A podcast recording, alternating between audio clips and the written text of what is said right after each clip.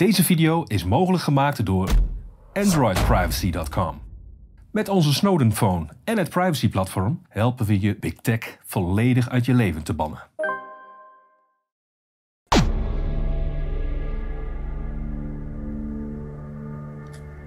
Op 21 mei is het eerste officiële aappokkenvirus slachtoffer geconstateerd in Nederland. Wie het is of waar de patiënt gevonden is, wordt niet vermeld. Het is geconstateerd. De foto's die we te zien krijgen stammen uit de jaren 70. Het apenpokken-angstzaadje is gepland. Iedereen op de sociale media doet er lacherig over. Maar is het ook om te lachen? Of zal het lachen ontspoedig vergaan?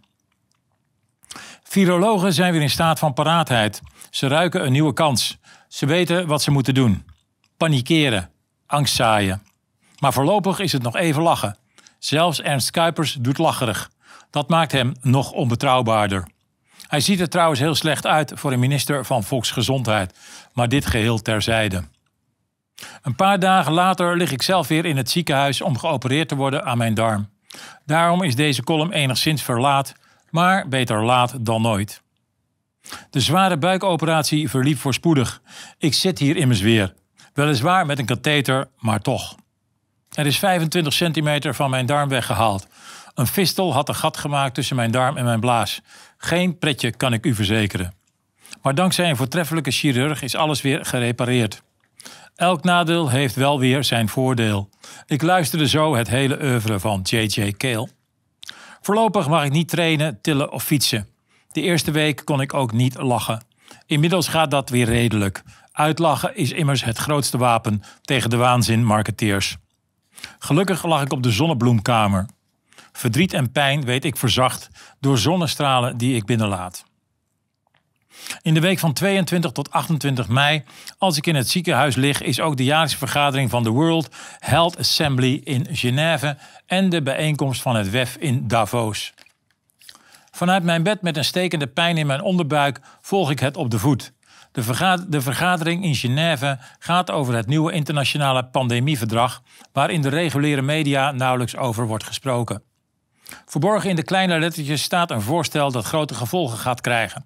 Het gaat over een door de VS ingediend voorstel voor het aanpassen van de International Health Regulations uit 2005. Deze voorschriften vormen een multilateraal juridisch bindend verdrag.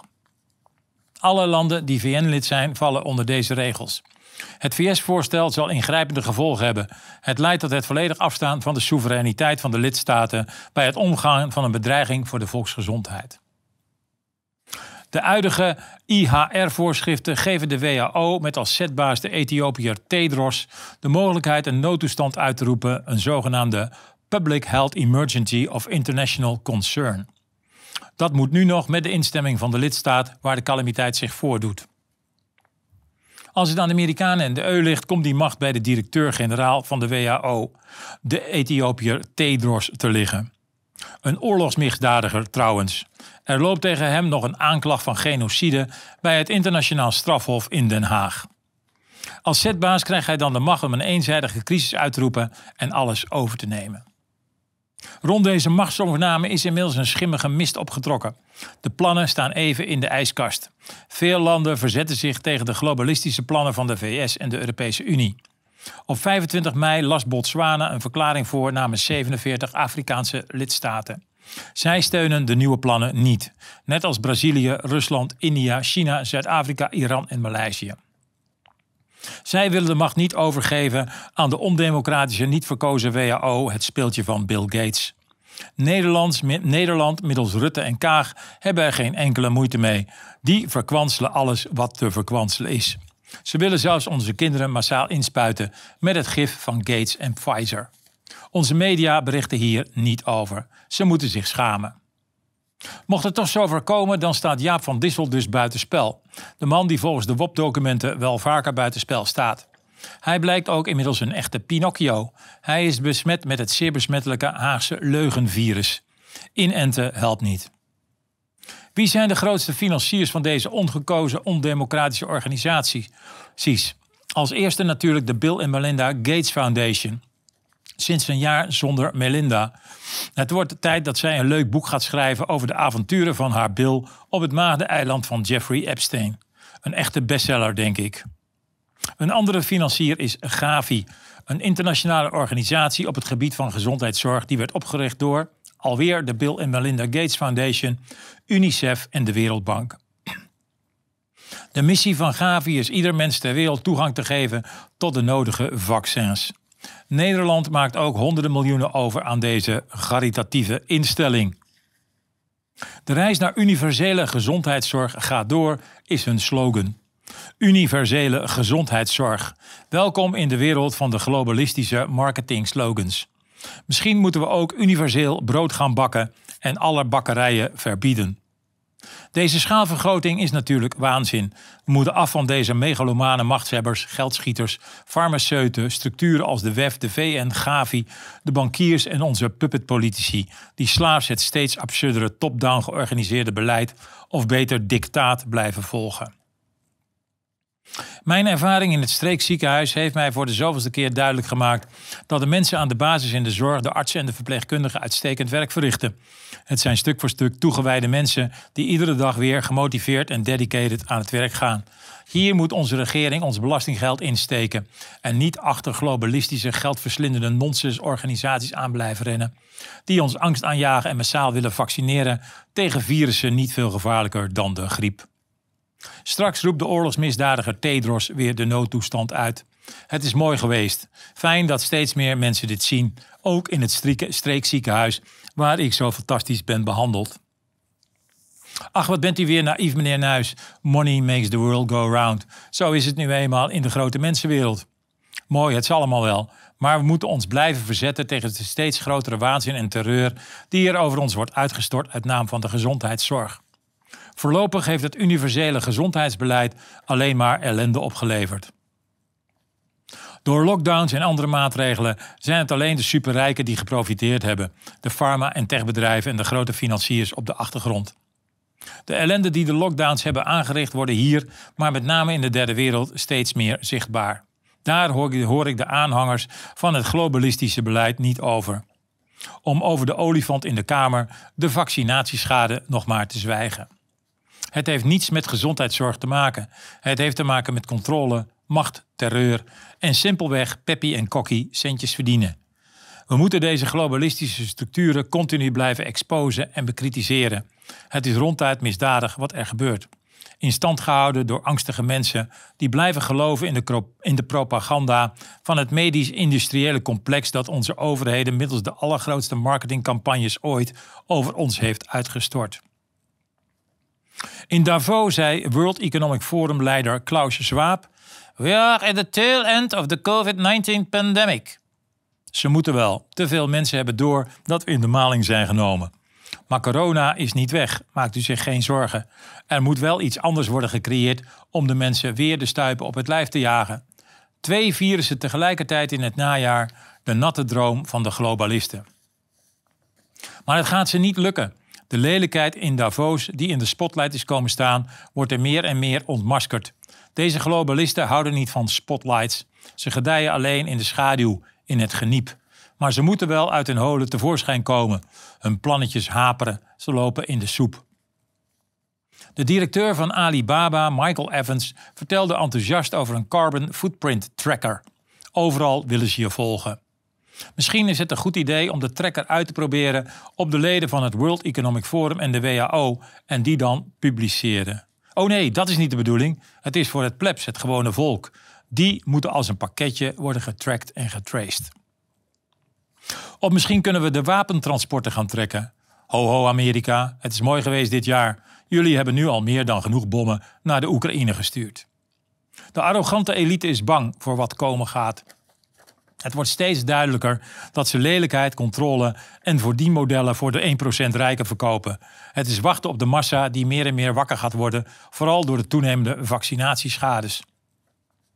De vaccins werken niet en brengen schade toe. Dat zien meer en meer mensen in hun eigen omgeving gebeuren. Ook al wordt de schade in de media verzwegen, dat wil niet zeggen dat het niet bestaat. De oude media doen er niet meer toe. Die hebben hun ware gezicht getoond door klakkeloos achter de propagandistische globalisten aan te rennen en hun rol, de macht bekritiseren en ondervragen, niet hebben uitgevoerd. Ze hebben hun eigen graf gegraven. De apenpokken zijn daarom alvast uit de kast getrokken. Griep met pukkels, zal ik maar zeggen. De CDC omschrijft op haar website dat er nog steeds onderzoek wordt gedaan tegen het virus en de vaccinatie ertegen, omdat het gebruikt kan worden voor bioterrorisme. Ondertussen laat het RIVM op diezelfde 21 mei al weten dat de vaccins klaar liggen en dat er een meldingsplicht komt voor artsen en GGD-medewerkers bij wie zich iemand met een besmetting heeft gemeld. Dan kan de patiënt in isolatie worden geplaatst en een bron- en contactonderzoek worden gestart, net als bij corona. De apenpokken, er wordt lachen over gedaan. Ik lach keihard mee, maar ondertussen neem ik het ook serieus. Ze hebben ons immers voor een veredelde griep twee jaar in een corona-burggreep gehouden, waar we nog maar net uit zijn ontsnapt. Ze zijn onze eigen regeringen, de grote bedrijven, de machthebbers op de achtergrond als het WEF, de Wereldbank, het IMF en gigantische investeerders als BlackRock en Vanguard. Voor alle duidelijkheid, het is geen complot, maar een agenda. De hoofdrolspelers bestaan echt. Ze waren bijeen in Davos en Genève. U heeft deze mensen zelf kunnen aanschouwen. De macht kan nu niet opgeven, dan komt de allergrootste zwendel ook voor de massa aan het licht. De angstporno moet permanent worden aangewakkerd. De Oekraïne dreigt een fiasco te worden. Iedere oorlog is natuurlijk een fiasco, een aanfluiting voor het menselijke ras. Naar de onderhandelingstafel opschieten. Er zijn alleen maar verliezers. Maar dat gebeurt niet. De NAVO, aangestuurd door de VS, voert de bewapening echter in razendsnel tempo op. Finland en Zweden wellicht bij de NAVO, Moldavië volpompen met zware wapens. Onze minister Ollegren pleit voor een Europees leger. Het moet niet gekker worden. Er wordt aangestuurd op een langdurige proxyoorlog, gecombineerd met sancties om Rusland te verzwakken en uiteindelijk op de knieën te krijgen. Amerika doet het niet zelf, maar misbruikt brave jongetjes als Rutte, Johnson, Macron, Olgren en de Duitsers om die vuile oorlog uit te voeren. De gewone Oekraïners doen er niet toe, net als de gewone Europeanen. We worden door onze zogenaamde leiders naar een economische en wellicht militaire ramp geduwd. Europa is zwak, het voert geen eigen buitenlands beleid.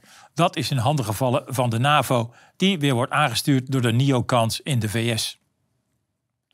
Volgens uw columnist is Amerika als de dood voor de herreizenis van Eurasia, het oude continent, toen Amerika nog een eilandje in de oceaan was.